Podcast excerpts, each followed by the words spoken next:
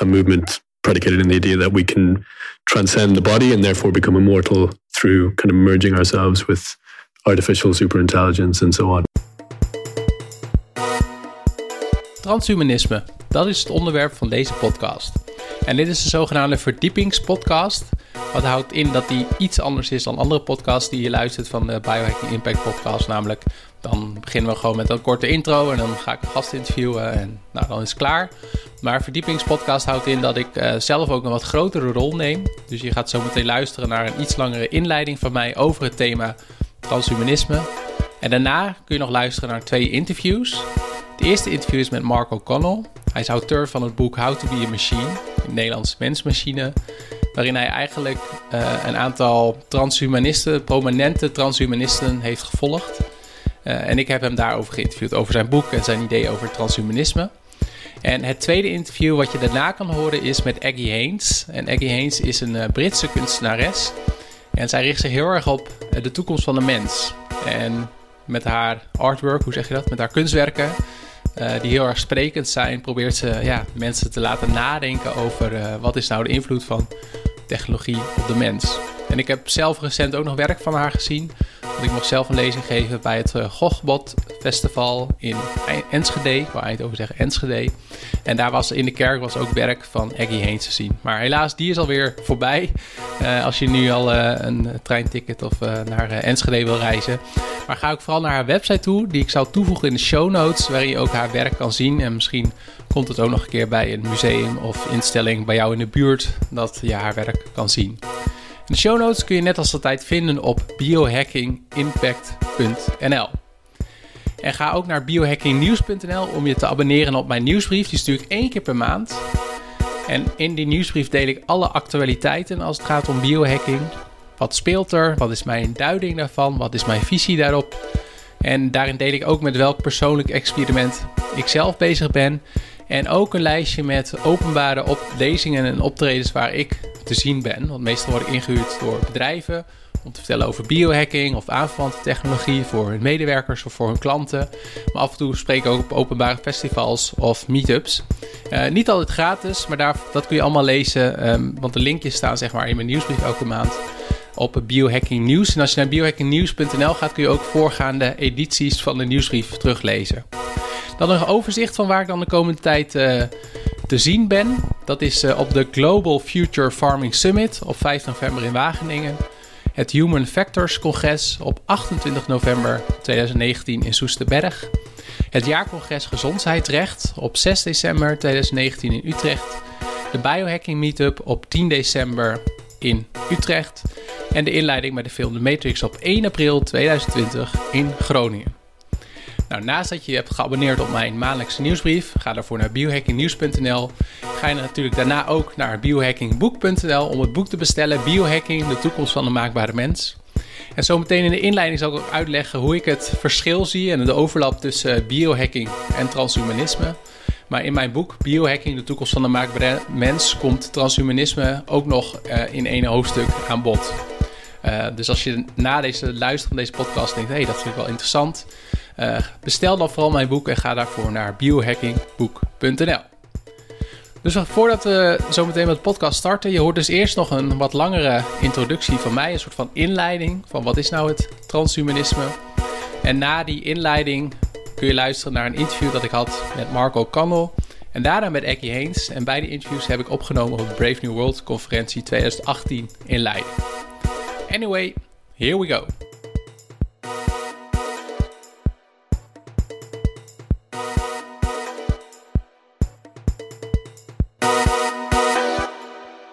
Inleiding op het transhumanisme. Wat is het transhumanisme eigenlijk? Transhumanisme is een recente vorm van speculatieve filosofie die probeert om de door de natuur gestelde grenzen van het menselijk bestaan te doorbreken. Dan gaat het zeg maar over het uitbannen, van ouderdom als doodsoorzaak, eh, technologie gebruiken om onze mogelijkheden van het lichaam en de geest uit te breiden, zelfs het fuseren met machines. Uh, dat zijn allemaal vormen, ja, eigenlijk ideeën die vallen onder het transhumanisme. En uh, transhumanisme, dat is wel leuk om te vertellen. Dat is de eerste keer dat die term eigenlijk werd genoemd, was uh, in 1957. En dat was door Julian Huxley. En als je denkt, hé, hey, de Huxley, die naam ken ik, dat kan kloppen. Want Julian Huxley was de broer van Aldous Huxley. En hij is bekend van onder meer het boek Brave New World. En als je dat kent, dat is een best wel dystopisch toekomstbeeld over de toekomst van de mens. En een transhumanist, een wijde transhumanist, was ook Jeffrey Epstein. En hij kwam uh, midden 2019 in het nieuws na beschuldigingen van misbruik van minderjarige meisjes. En hij had toen ook uh, zelfmoord gepleegd in zijn cel. En later bleek dat hij transhumanistische ideeën had. En toen ben ik nog door Radio 1 en door Editie NL uitgenodigd om te vertellen van wat is het transhumanisme nou precies uh, en wat valt eronder en ook ja, wat voor ideeën had die Epstein eigenlijk zelf. Nou, als je daar benieuwd naar bent, uh, kun je op YouTube uh, zoeken, maar ik zal ook de twee video's in de show notes zetten, waarin ik bij Radio 1 en Editie NL eigenlijk uitleg over, een uitleg geef over het transhumanisme. er zijn ook verschillende vormen van het transhumanisme, dus het is lastig om echt te spreken van één vorm van transhumanisme. Je hebt bijvoorbeeld het hedonistisch imperatief. Het doel van deze groepering of mensen is het doel. Uh, hun doel is om het lijden van de mens uit te bannen. Maar je hebt ook het democratisch transhumanisme, het libertarisch transhumanisme, het, zelfs het religieus transhumanisme, het anarchistisch transhumanisme. En waarom, zeg ik, waarom ik zeg zelfs religieus transhumanisme? Omdat ik in eerste instantie had verwacht met transhumanisme gaat heel erg uit van ja, dat de mens eigenlijk God speelt met technologie en wetenschap. Hè, dat we dan ouderdom kunnen, uh, voorbij kunnen streven en zo. En voor mijn gevoel was dat niet heel goed verenigbaar met, uh, met, uh, ja, met bepaalde geloofsovertuigingen. Maar er, zijn, er is zelfs dus een, zijn ja, transhumanisme onder de mormonen en ook vanuit het boeddhisme. Dus, dat is, dus is, je kan, conclusie, je kan niet echt spreken van het transhumanisme. Wat je wel hebt is het posthumanisme. En dat is een stroming die heel erg lijkt op het uh, cosmopolitisch transhumanisme. En volgens posthumanisten is de mens niet het middelpunt van alles, maar de mens is onderdeel van een complex en alomvattend systeem. Wat bestaat uit mensen, dieren, maar ook planten, maar ook uh, zowel de het materiële wereld, maar ook een niet-menselijk leven. Dus ook bits en bytes. Dus die filosofie zegt eigenlijk, ja, de mens is niet het absolute middelpunt in de wereld en van de kosmos. En bekende transhumanisme uh, zijn bijvoorbeeld Max Moore, uh, Sultan Isvan, Anders Sandberg, uh, Nick Bostrom, Ray Kurzweil. En met name Sultan Isvan, dat is wel een, eh, een grappig figuur, vind ik. Want die heeft ook nog geprobeerd, ehm, al schijnt denk ik dat dat ook meer publiciteit en marketing was, om vanuit de transhumanistische partij om president te worden van de Verenigde Staten. Dat was in 2014 of 2016, denk ik.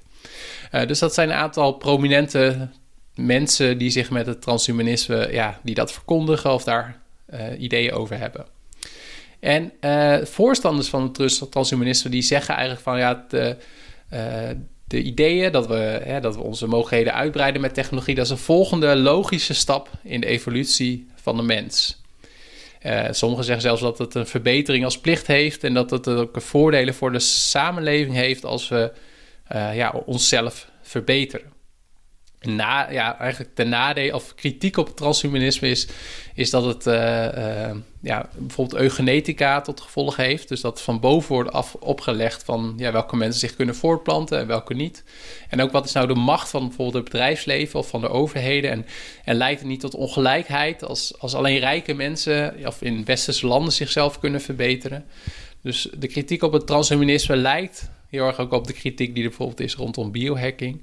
Maar het belangrijkste verschil, zoals ik dat zie tussen uh, transhumanisme en biohacking, is dat biohacking gaat over het verbeteren van het menselijk lichaam met technologie of experimentele technologie, die althans nu beschikbaar is. En het transhumanisme, dat is meer, gaat juist meer filosofisch, meer politiek, meer ook speculatief. En het gaat over technologieën die wat mij betreft veel verder in de toekomst liggen en die veel meer science fiction zijn dan dat ze daadwerkelijk nu al worden toegepast. Wat wel interessant is, is van uh, in het boek Mensmachine wordt Max, Max Moore, dus een van de prominente transhumanisten, uh, eigenlijk geconfronteerd met een aantal van die kritiekpunten. En zijn reactie vond ik wel aardig. Hij zegt van uh, mensen vertonen allerlei instinctieve reacties. Die zijn gebaseerd op al die mythes die ons bang maken voor het overschrijden van onze grenzen. Je kent ze wel, de toren van Babel of Prometheus, die het vuur van de goden steelt. Maar mensen zullen dingen die er nog niet zijn altijd angstaanjagend vinden. Zodra ze eenmaal werkelijkheid zijn geworden, accepteren ze die dingen. Ja, dus dat vond ik wel een interessant punt. Van, ja, is het dat wij streven naar vooruitgang? Uh, blijft het alleen beperkt tot de wereld buiten ons? Of blijft dat alleen beperkt tot de gezondheidszorg? Waarom zouden we dat niet kunnen gebruiken om onszelf te verbeteren? Dus een vraag die ik ook heel vaak krijg. Peter, ben jij zelf transhumanist? En dan zeg ik van, nou, ik noem mezelf een gematigd transhumanist. Dus ik ben wel voor het gebruik van wetenschap en technologie. In algemene zin natuurlijk, maar ook om onszelf te verbeteren. Maar er zijn wel een aantal ideeën die ik uh, nou, behoorlijk extreem vind. En uh, om je een, een, bloemlezing te geven van een aantal ideeën die er spelen rondom het transhumanisme, zijn het idee van de supermens. Uh, dus dat we onszelf extreem kunnen verbeteren. Cryogene suspensie, dat houdt eigenlijk in op het moment dat je overlijdt. Dan word je ingevroren, of alleen je hoofd of het hele lichaam. En uh, toen ik een paar jaar geleden te zien was in de uitzending van Valerio Zeno, Valerio Forever, toen ging hij in de aflevering waarin ik te zien was, ging hij ook op bezoek bij Max Moore van bij het instituut Elcor. En daar kun je jezelf laten invriezen of in cryogene suspensie gaan. En het idee is van je, uh, ja, je overlijdt nu aan een bepaalde aandoening. En uh, als je dan laat invriezen, dan wellicht word je wakker gemaakt over x jaar, 500 jaar, 1000 jaar. En dan is de wetenschap en technologie zo ver dat uh, de aandoening waaraan je bent overleden, dat ze die kunnen oplossen.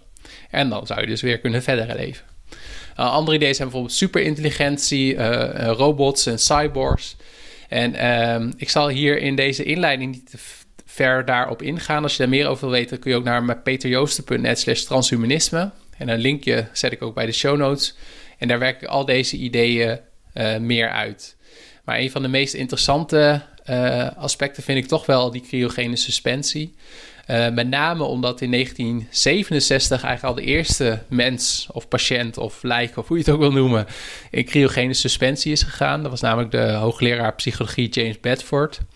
Um, en het, zijn, het is ook een grote diversiteit aan mensen die zeg maar in cryogene suspensie zitten.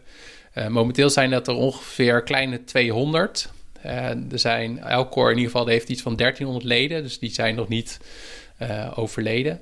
Maar er is bijvoorbeeld ook een, een tweejarig meisje dat een cryogene suspensie zit. En dat vind ik wel, ook als je nadenkt vanuit ethiek en moraliteit, wel fascinerend. Van ja, als, als het uitkomt en ze wordt op een gegeven moment ja, wakker gemaakt, dan, ja, dan heeft ze helemaal geen besef überhaupt ook als je volwassen bent en je gaat, gaat in cryogene suspensie en je wordt dan later ontdooid en wakker. Dat lijkt me heel gek, maar ja, ook als je een meisje bent van, uh, of jongetje natuurlijk van, uh, van twee.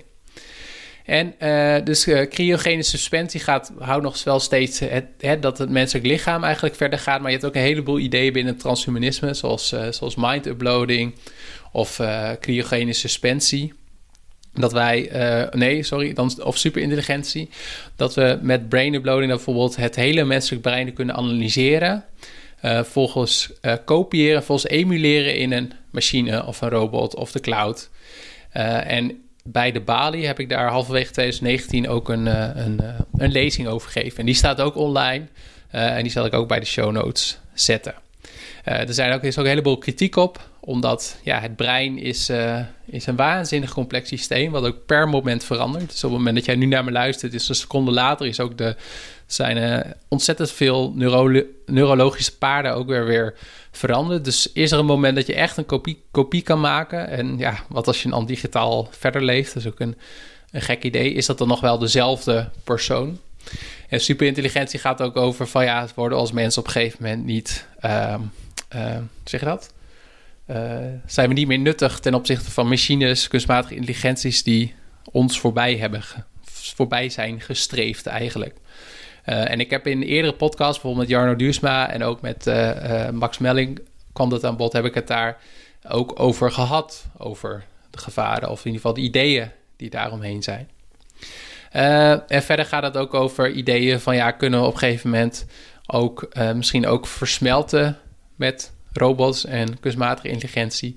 En er zijn ook ideeën, maar die zijn nog iets meer filosofischer van de wijze waarop wij nu met technologie met elkaar verbonden zijn. Stel je voor dat we op een gegeven moment ook dat met hersenchips kunnen doen. Ontstaat er niet een soort van superorganisme? Uh, bijvoorbeeld waar ik het over had met Koert van Menswoord of een soort van globaal brein. Met Koert was trouwens in de podcast, die zeg ik ook bij de show notes. Uh, dat we eigenlijk als, als, als gezamenlijkheid, als een soort van hive mind, uh, een soort van nieuwe vorm van evolutie zijn. Dus dat daarover wordt ook nagedacht binnen het transhumanisme. En ja, wat ik interessant vind aan ook ik heb het al een aantal keer genoemd, zijn ook meer name die politieke, maatschappelijke en ook ethische, morele ja, gevolgen van het transhumanisme. En uh, uh, wat, ja, wat ik wel als nadeel vind, is, uh, dat kwam ook naar voren met die bespreking van wat is nou het posthumanisme, is ja, die nadruk op de verheffing van de mens, maakt misschien dat we de rest van de wereld een beetje uit het oog verliezen. Terwijl we daar natuurlijk ook genoeg uh, problemen hebben nu met, met klimaatopwarming, et cetera. En we lopen denk ik ook wel een risico, want ons huidige systeem is op, ja, draait op, op kapitalisme en economische groei. En op het moment dat we technologie, wat commercieel te verkrijgen is, gebruiken om het menselijk lichaam te verbeteren, verwordt de mens dan niet tot, tot een product. Uh, ja, dus dat vind ik interessante dingen om in ieder geval over na te denken. Van, ik ben wel voor verbetering van de mens met technologie. Maar om nou helemaal te versmelten met een robot, is in ieder geval wat ik op dit moment nog niet, uh, niet zo snel uh, zelf zou willen. Um, en dat is ook wel een beetje mijn conclusie. Um, van um, soms word ik ook aangezien als transhumanist. En uh, ook bijvoorbeeld bij die bijeenkomst in de Bali. Toen was op het einde een vrouw die naar me toe kwam. Die zei: Waarom wil je dit? En die, verbijstering, ja, die spatte van haar gezicht. Uh, dat was ook omdat ik ten opzichte van de andere deelnemers aan dat panelgesprek, nou, veel progressiever was of optimistischer over het gebruik van, van technologie. En toen kon ik eigenlijk haar vraag niet helemaal goed beantwoorden. Dus eigenlijk had ik toen even zo'n hersenchip nodig. Nee, maar ik denk dat de ontwikkelingen in het, in het transhumanisme zijn volgens mij onvermijdbaar. Dus sommige zijn, wat ik in het begin zei, misschien echt science fiction en, en gaat, duurt dat 100 jaar of 200 jaar. Uh, maar ja, het, het, het op fundamenteel gebied wordt er al heel veel onderzoek gedaan. En uh, ook als je kijkt naar dat er heel veel krachten en belangen en geldstromen zijn om eigenlijk dit soort uh, ontwikkelingen door te zetten. Dat we steeds beter de mensen in kaart kunnen brengen en dan ook steeds beter weten hoe we die kunnen genezen, maar ook kunnen verbeteren. En ik denk dat het heel belangrijk is om daar door middel van deze podcast, maar ook door geven van lezingen en presentaties en door boeken te lezen, bijvoorbeeld van uh, Marco Kunnel, of ook naar kunst te kijken, zoals uh, waar ik met Aggie Heens over heb, of naar science fiction over het transhumanisme. Ja, dat je op die manier daar in ieder geval zelf een beter een beeld van schetst. En als je daar dus meer over wil weten, dan uh, kan ik sowieso dat boek van Marco Connell aanraden. Er zijn ook een aantal leuke, interessante documentaires over gemaakt. Bijvoorbeeld Transcendent Man, uh, More Human Than Human. En een aantal films die ik heel erg leuk vind. En daar heb ik zelf ook nog een uh, zogenaamde sci-fi visie over gemaakt. Met een aantal van die films die transhumanistische ideeën eigenlijk belichten. En als je die, uh, dat is een video van 5 tot 10 minuten, waarin ik eigenlijk vertel over een aantal voorbeelden. Denk aan Demolition Man of Vanilla Sky, als het gaat om cryogene suspensie. Of de film Upgrade en Ghost in the Shell, als het gaat om, om supermensen. Uh, Mind Uploading komt bijvoorbeeld terug in, in, in de film Selfless en ook in de serie Altered Carbon. En ook dat je virtueel kan verder leven. Dat ja, moet ik, moest ik gelijk denken aan de aflevering Be Right Back van Black Mirror. En dat gaat op superintelligentie. Dan uh, vind ik bijvoorbeeld Transcendence met Johnny Depp een, een goed voorbeeld. Nou ja, dat zijn een heleboel tips. Maar zoals ik al zei, ik voeg in ieder geval een video toe van die, ja, van die sci-fi visie die ik heb gemaakt op YouTube.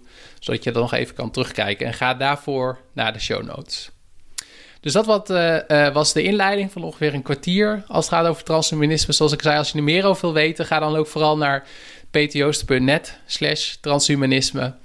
Uh, en je gaat nu luisteren eerst naar het interview met Mark O'Connell. Hij is auteur van het boek Mensmachine en in het Engels How to be a Machine.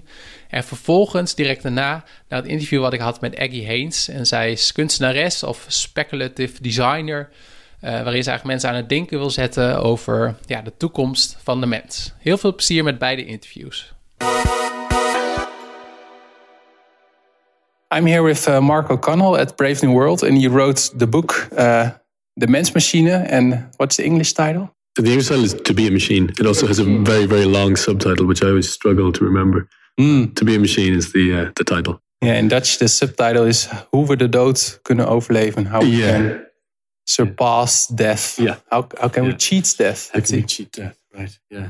And what's the answer? Um, well, I mean, I don't want to, you know, no spoilers, but um, the book is pretty inconclusive on that um, score. And uh, so I, I, look at various um, sort of, I mean, the book, you know, is about the transhumanist movement, which is a movement predicated in the idea that we can transcend the body and therefore become immortal through kind of merging ourselves with artificial superintelligence and so on.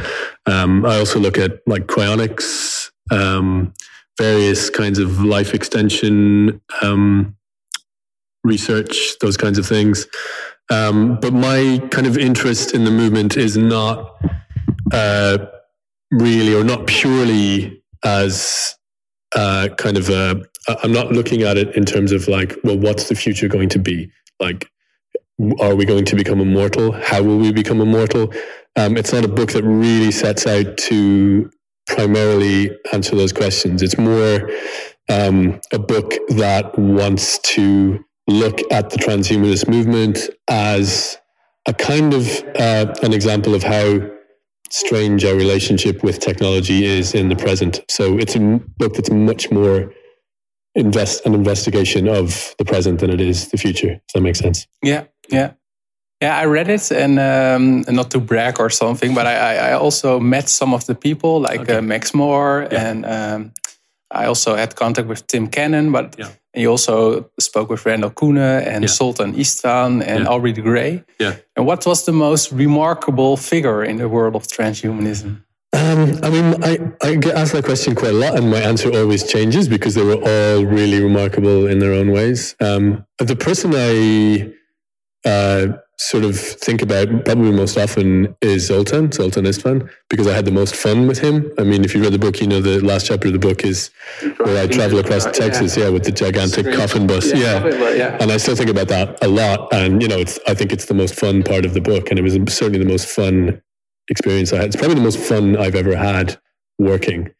Um, and yeah, Zoltan's just a really intriguing, uh, sort of infectious, charismatic, crazy.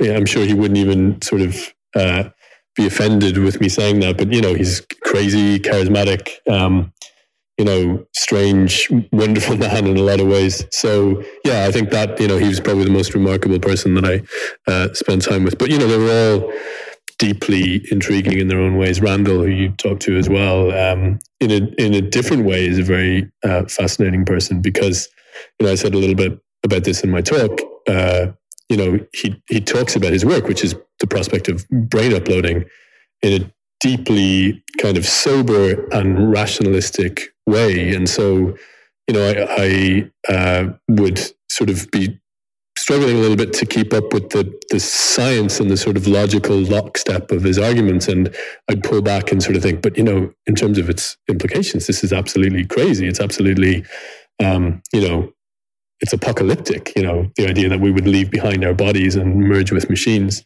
um, but yeah you know you you would expect the idea you know when you hear that uh, someone like Randall is out there trying to figure out how we upload minds to machines. You'd imagine some kind of mad scientist type, and he's anything but. He's a very kind of um, likable, charismatic, um, sort of humble man in a lot of ways. Um, so yeah. And um, how you when you're when you did research for your book? Um, no, I should ask the, the question differently.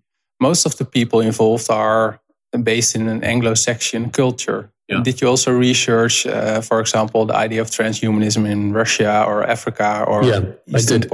Um, well, particularly Russia, because there is a whole sort of parallel tradition of um, transhumanism in Russia um, that goes back to like the 19th century, um, and all these ideas existed in Russian culture um, before they existed in in the West. So, I mean, I could have written a very different version of the book that took that into account. And I did write a lot of material about Russia that just never made it into the book because it was kind of a detour. But um, and there are, there are still transhumanists in Russia today, but it's much more like it's it's kind of scrappier over there as far as I could see, um, with with certain exceptions. But I think really what I wanted to focus on in writing the book was not just transhumanism itself, but transhumanism as a way of thinking about Silicon Valley's sort of cultural dominance and power and how transhumanism kind of reflects that and sort of intensifies that in a way. So my focus really you know, I do travel. You know, I, uh, certain parts of the book that are written in England. Certain parts are, you know, I go to Switzerland briefly and so on. So it is there is a kind of a European focus as well, but it overwhelmingly is about Silicon Valley. And I was also fascinated because you also take a personal view in the book, uh, also in the appendix or in the in the even the last part of the of the book, which mm. I really liked. So um, um, yeah, I, think it, it, was quite an, an, an endeavor to write a book about transhumanism because you're uh, you studied English literature, I mm. think. Mm. Yeah, no, I'm not like. I mean, that was a really big problem in a way, particularly early on when I was writing the book, was that you know I, I've been fascinated by transhumanism for years, like long before it ever occurred to me to write a book about it. Um, but when I started looking into it as a book project, I would sort of get quite um, sort of self questioning about whether I was the right person to write it because you know as fascinating as it was, there's you know there's a like a pretty strong scientific element to this. And so maybe someone who had a firmer grounding in the sciences might be a better person to write it. But it took me a while to sort of come to the view that someone who's an outsider to this world and someone who is in some ways, as I am, struggling to comprehend it and come to terms with it is maybe the ideal kind of view that you would want, or certainly a reader like me would want. So I describe myself at one point in the book as like an emissary from the world of letters in the land of like zeros and ones. Um, and that's kind of how I see it. I see myself as um, a kind of a an outsider figure who's like sending dispatches from this strange kind of other culture in a way. Yeah. Yeah, and in, in a sense, it's not that strange because uh, also here at Brave New World Conference, there were also some um, remarks made about immortality and transhumanism, which also was based with the ancient Egyptians with the mummification, etc. Yeah. So well, that's what's always been so interesting to me about this is that it is deeply strange and deeply alien and seems quite external in a way. Like these people are, when you look at them first, they seem to be very much outside our culture, but their extremity is something that reflects ideas that are absolutely central to our culture. Actually, like we don't want to die and so much of our um, culture in the West has to do with like ways of circumventing mortality and like separating the the mind from the body or the soul from the body and so on. So transhumanism absolutely expresses things that are peculiar to our like culture, I think. So that's what's really interesting about it is that it is outside, but it's also central as well. Yeah. Last question: Do you also get asked to uh, give talks on really transhumanist conferences and mm. how do mm. people respond?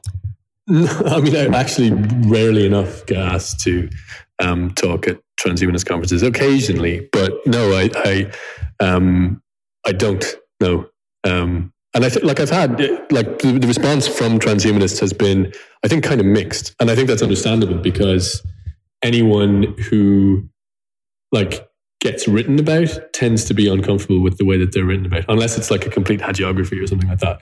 But I think it's an uncomfortable thing to be seen from an external point of view and have that external point of view fixed in a book or a film or something like that.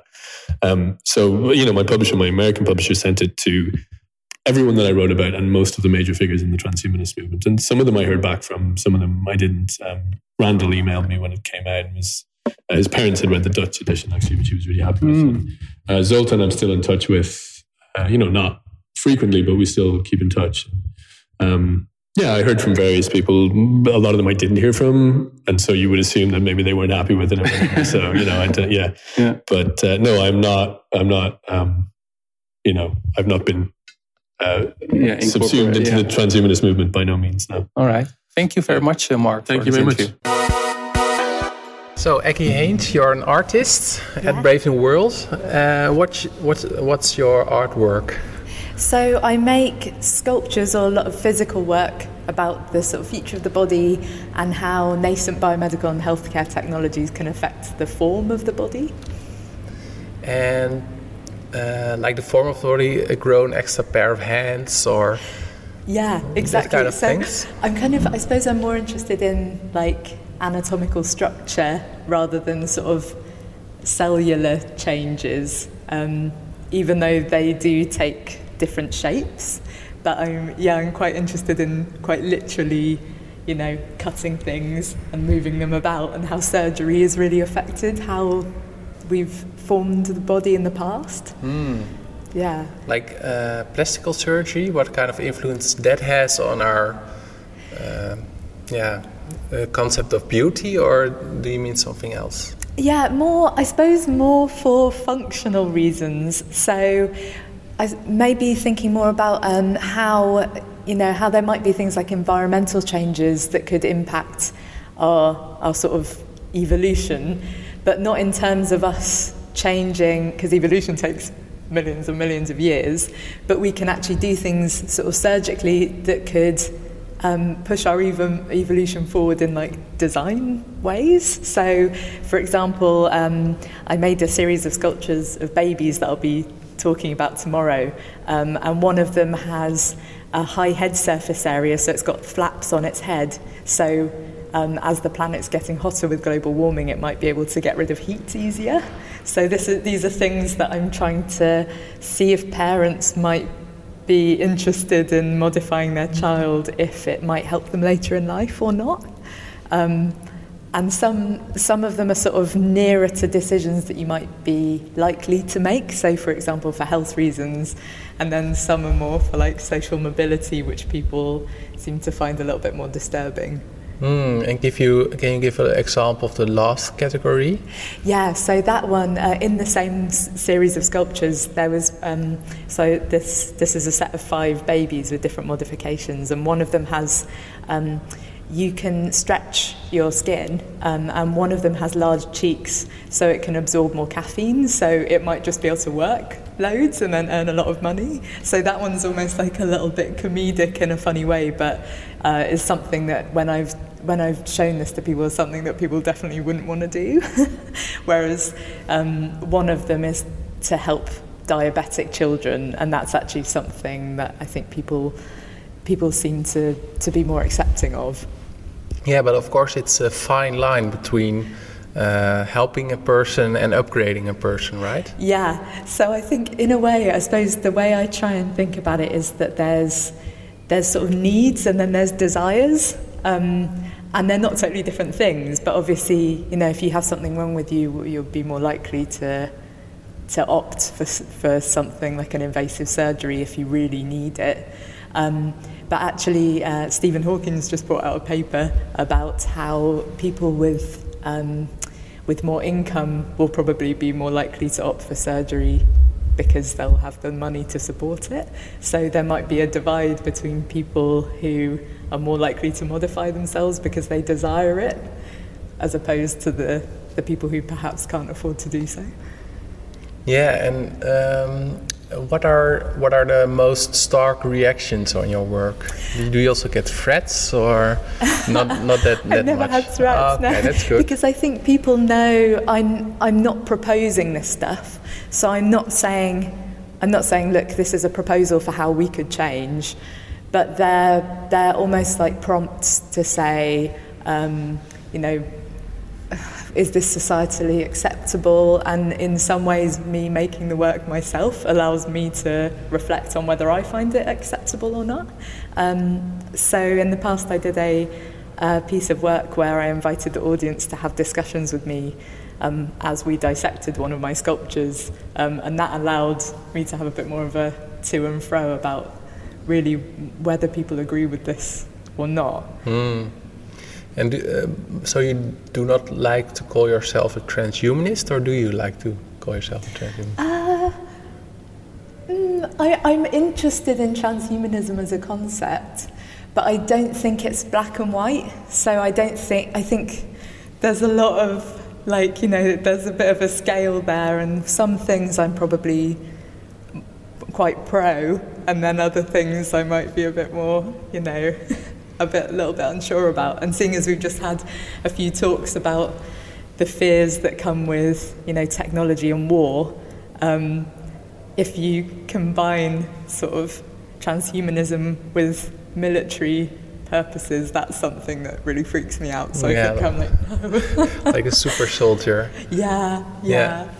And I'm also interested not not not, not so much in, in the content or how does your creative process work like today you hear about the military is that where your mind starts to wander and to think about new sculptures etc or yeah. how does it work well i'm, I'm quite lucky in that um, I have uh, quite a good research network of people, so often the work will start with a collaboration or a conversation with someone from a different discipline. Um, and I know, I know at the moment, sort of saying inter or multidisciplinary is quite a buzzword, but I like to think that the work is quite interdisciplinary and that um, uh, often I'll sort of do something like a residency where I get to visit somewhere where they're doing a certain type of research that might mean I can ask these questions to people who are really involved in it. Um, so I think in a way that's that's always a nice place to start. But sometimes you just get ideas, don't you? Like at, at opportunities like this where people are talking about things that are often so outside of your usual research can really trigger stuff. Yeah. Mm. And last question: How important is is the role not from your, you as yourself, but from artists and uh, makers to make us as society aware of all the possible possibilities of technology? Mm, sorry, could you? What's um, uh, how important is it that there are people making uh, science fiction movies, but also science fiction art, etc.? Oh, Do sci-fi is so important. I'm, a, I'm a proper advocate for sci-fi. no, I think I think it's really important to probe these kinds of questions because, in a way, um, you can then sort of think it gives you a space to sort of think about what features might be more desirable.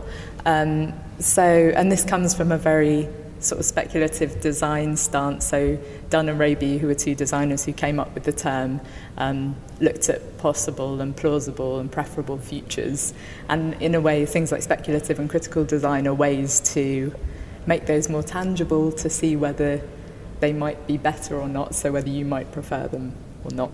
Mm. Um, but I think science fiction is a really good way to do that because I think I think it uses design strategies like you know there's a bit of comedy and there's a bit of horror and and I think it can it can actually sort of guide research because every scientist that I've ever worked with often will quote films when they're describing their research to me and it makes it it makes it much more yeah. easy to understand. Because you don't have the same image in your head. Yeah, there's yeah. like a cultural language that comes with it that people sort of get. Yeah. Um, and I think it's a really good way to put across ideas that can be difficult to talk about otherwise. It's almost like a lubricant to talk about, you know, gritty stuff. Yeah. Hmm. Well, thank you very much. Uh, if people want to know more about your art, where can they look? Yeah, you can go on my website, uh, which is www.aggiehaynes.com. AggieHaynes.com. Yeah. Thank you. Thank you so much. Bedankt voor het luisteren naar deze podcast. Nog twee dingen. Ten eerste, vergeet je niet te abonneren op mijn nieuwsbrief, mijn maandelijkse nieuwsbrief Biohacking Nieuws en ga daarvoor naar biohackingnieuws.nl. Daar vind je ook eerdere edities. En in de nieuwsbrief deel ik wat er speelt op het gebied van biohacking, wat mijn duiding daarvan is, wat mijn visie daarop is, met welk persoonlijk experiment ik zelf bezig ben en een lijst met overzichten, overzicht van lezingen en presentaties waar ik binnenkort een lezing geef. Ga vervolgens ook naar biohackingboek.nl om mijn boek te bestellen, Biohacking de toekomst van de maakbare mens. En daarin lees je ook hoe ik eigenlijk het transhumanisme zie in relatie tot biohacking. Dus ga daarvoor naar biohackingboek.nl. Tot slot is mijn vraag voor jou deze keer: zou jij willen versmelten met machines? Of hoe ver wil je gaan in het transhumanistische gedachtegoed?